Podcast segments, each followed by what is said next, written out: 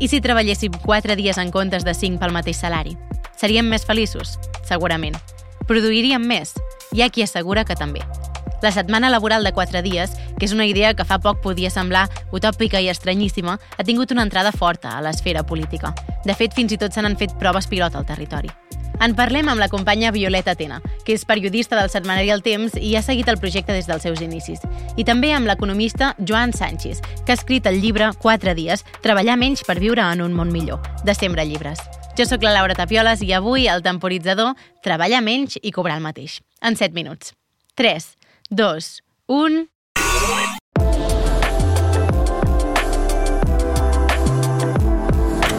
El Temporitzador, un podcast del setmanari El Temps.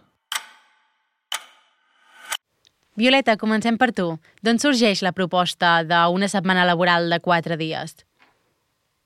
Bé, doncs d'alguna manera, ara que el tema ja està en l'agenda política espanyola, crec que sí que hem de reivindicar que aquesta proposta té eh, ADN valencià en el seu origen, no? perquè va ser qui era secretari autonòmic d'Ocupació a la Generalitat Valenciana, eh, Enric Nom de Déu, qui va posar aquesta proposta damunt de la taula el febrer de l'any 2019 en unes jornades que es van celebrar eh, al Zira. Clar, en el seu moment, quan ell va posar aquesta proposta damunt de la taula, eh, bueno, pues, fins i tot alguns mitjans de comunicació comunicació em van fer una mica de, de befa, no? per dir-ho d'alguna manera, de que bueno, el que feia aquesta proposta era eh, promocionar el ser malfainer, no? que era allò de treballar quatre dies quan sempre n'hem eh, treballat cinc. I aquella idea, que semblava una miqueta, si volem dir-ho, eh, estrambòtica, eh, en realitat eh, tenia el suport ja d'alguns think tanks eh, britànics que havien estat treballant en, en aquest tema no? i que al capdavall el que recordaven és que al llarg de la història eh, la, la, diguem, la reducció de, de temps de, de treball és, ha sigut una, una constant. No?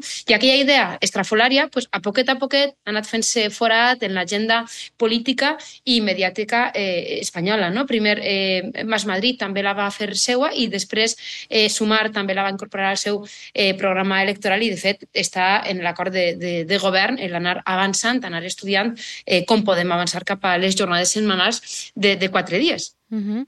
Més enllà de l'acord de govern espanyol, al País Valencià se n'ha fet una aplicació pràctica. El govern del Botànic ha aprovat paquets d'ajudes per a empreses que volguessin aplicar aquestes 32 hores. És així? Sí, és així. Ja en l'any eh, 2022 es va fer la primera línia de, de subvencions a, a, a empreses i, i bueno, aquella va funcionar no va acabar de funcionar bé del tot per una sèrie de, de raons i ja en 2023 es va fer la segona línia de, de subvencions que, que bueno, van, eh, era una línia de subvencions de 1,5 eh, milions d'euros, de, de, si no, si no m'equivoque, i crec que són 20 les empreses que s'hi han, eh, que han beneficiat. Uh -huh. A València veu fer una mena de prova pilot d'aquesta setmana de 4 dies, no? Durant un mes concret hi van haver 4 setmanes de 4 dies laborals. Com va ser aquesta prova i quins són els resultats que se'n van extreure?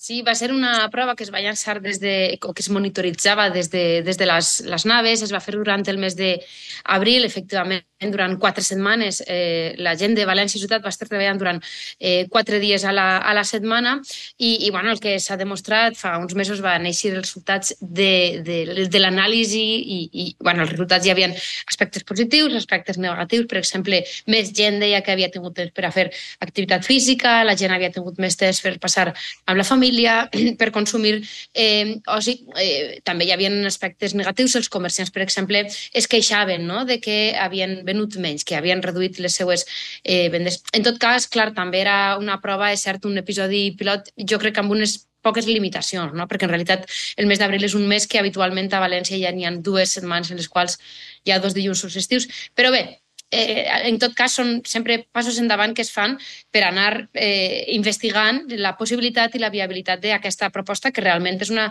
innovació laboral però també social. Uh -huh. Joan, quin penses tu d'aquesta primera prova pilot que es va fer? Com la valores?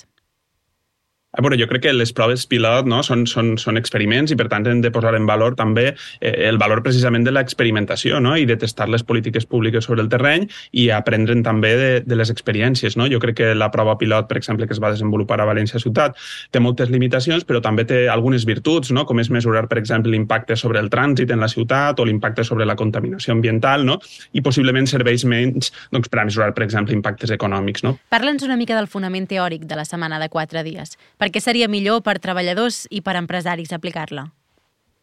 A veure, jo crec que el fonament fonamental és primer assumir el canvi, diguem, en, en, en el model econòmic en, els que, en el qual ens trobem. No? Ens trobem en un context d'economia del coneixement, no? on, on per a moltes empreses, per exemple, allò fonamental és ser capaços de, de retenir i atreure talent, perquè el talent, el capital humà, diguem, és un element fonamental eh, per, a, per al desenvolupament diguem, de noves activitats eh, productives, com per exemple tecnològiques, etc, no? que és on estem veient que està funcionant més aquest tipus de mesura. No? Però d'altra banda, tenim tota una evidència empírica eh, molt, molt, molt sòlida eh, al respecte de les conseqüències negatives que tenen les llargues hores de treball, és a dir, en termes de, per exemple, de baixes laborals, un terç de totes les baixes laborals a l'estat espanyol es calcula que estan relacionats amb problemes de salut mental, moltes vegades vinculats a l'excés d'hores de treball, eh, té efecte de desmotivació, de que el treballador contribuïsca menys a la millora de la productivitat de l'empresa, a la creativitat, a la innovació.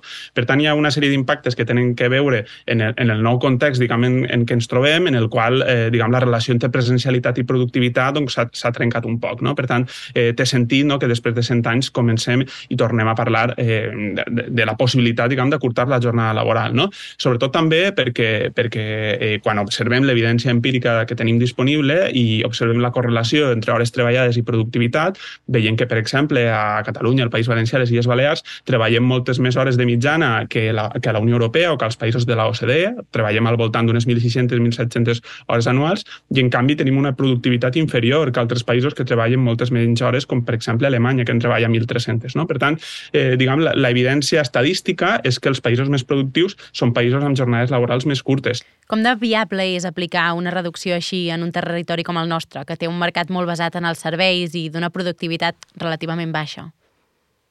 Bé, jo crec que precisament per aquesta problemàtica és tan interessant aquesta iniciativa en el nostre cas, és a dir, perquè la reducció de la jornada laboral eh, pot actuar eh, com un catalitzador, diguem, per al canvi de model productiu. No? Per exemple, quan, quan analitzem les estadístiques, per exemple, en, en el cas de Balears, no, que podíem eh, exemplificar com un exemple d'economia turistificada eh, centrada exclusivament en els serveis, és curiós analitzar com en les últimes dècades les hores de treball han crescut mentre que la productivitat ha disminuït. Per tant, això, eh, diguem, es mostra com, com de mal negoci és apostar, diguem, per activitats on, on, on, on diguem, l'ús més intensiu és de les hores de treball, no? I, i, tre i es treballen llargues hores laborals amb unes conseqüències també dramàtiques, no? I, i, per tant, jo crec que és una oportunitat, sobretot, per a canviar les estratègies competitives, per a que les empreses es, es fixen més en la qualitat, per a que aborden també canvis en la seva metodologia de treball, que, que abandonen esta sacrosanta presen, presencialitat, no? que sembla ser que és l'únic que, que es valora a les nostres empreses. Per tant, jo crec que eh, hi ha moltes dificultats, dificultats que tenen que veure amb els sectors, amb la mida de les empreses, no? que tenim, per exemple, eh, predominantment xicotetes i mitjanes empreses, no? eh, però crec que és precisament una raó també per a que es desenvolupen programes de política pública que acompanyen aquest procés. Eh, jo crec que, que tot això pot constituir la base eh, d'un nou contracte social realment per al segle XXI, en un context on, on, on apareixen amenaces, on tot sembla que, que siga amenaçador en el futur i que els llocs de treball eh, molts estiguen condenats a, a ser més precaris o a desaparèixer, etc. No? Per tant, jo crec que és un horitzó d'esperança que hauríem d'explorar. Joan, Violeta, moltes gràcies. Gràcies a vosaltres. Gràcies. El Temporitzador és un podcast del setmanari El Temps. La realització és d'Idea Sonora, la direcció d'art de Laura Xifra i la veu profunda de l'entradeta de Jan Brugueres. Jo sóc la Laura Tapioles i ens veiem la setmana que ve.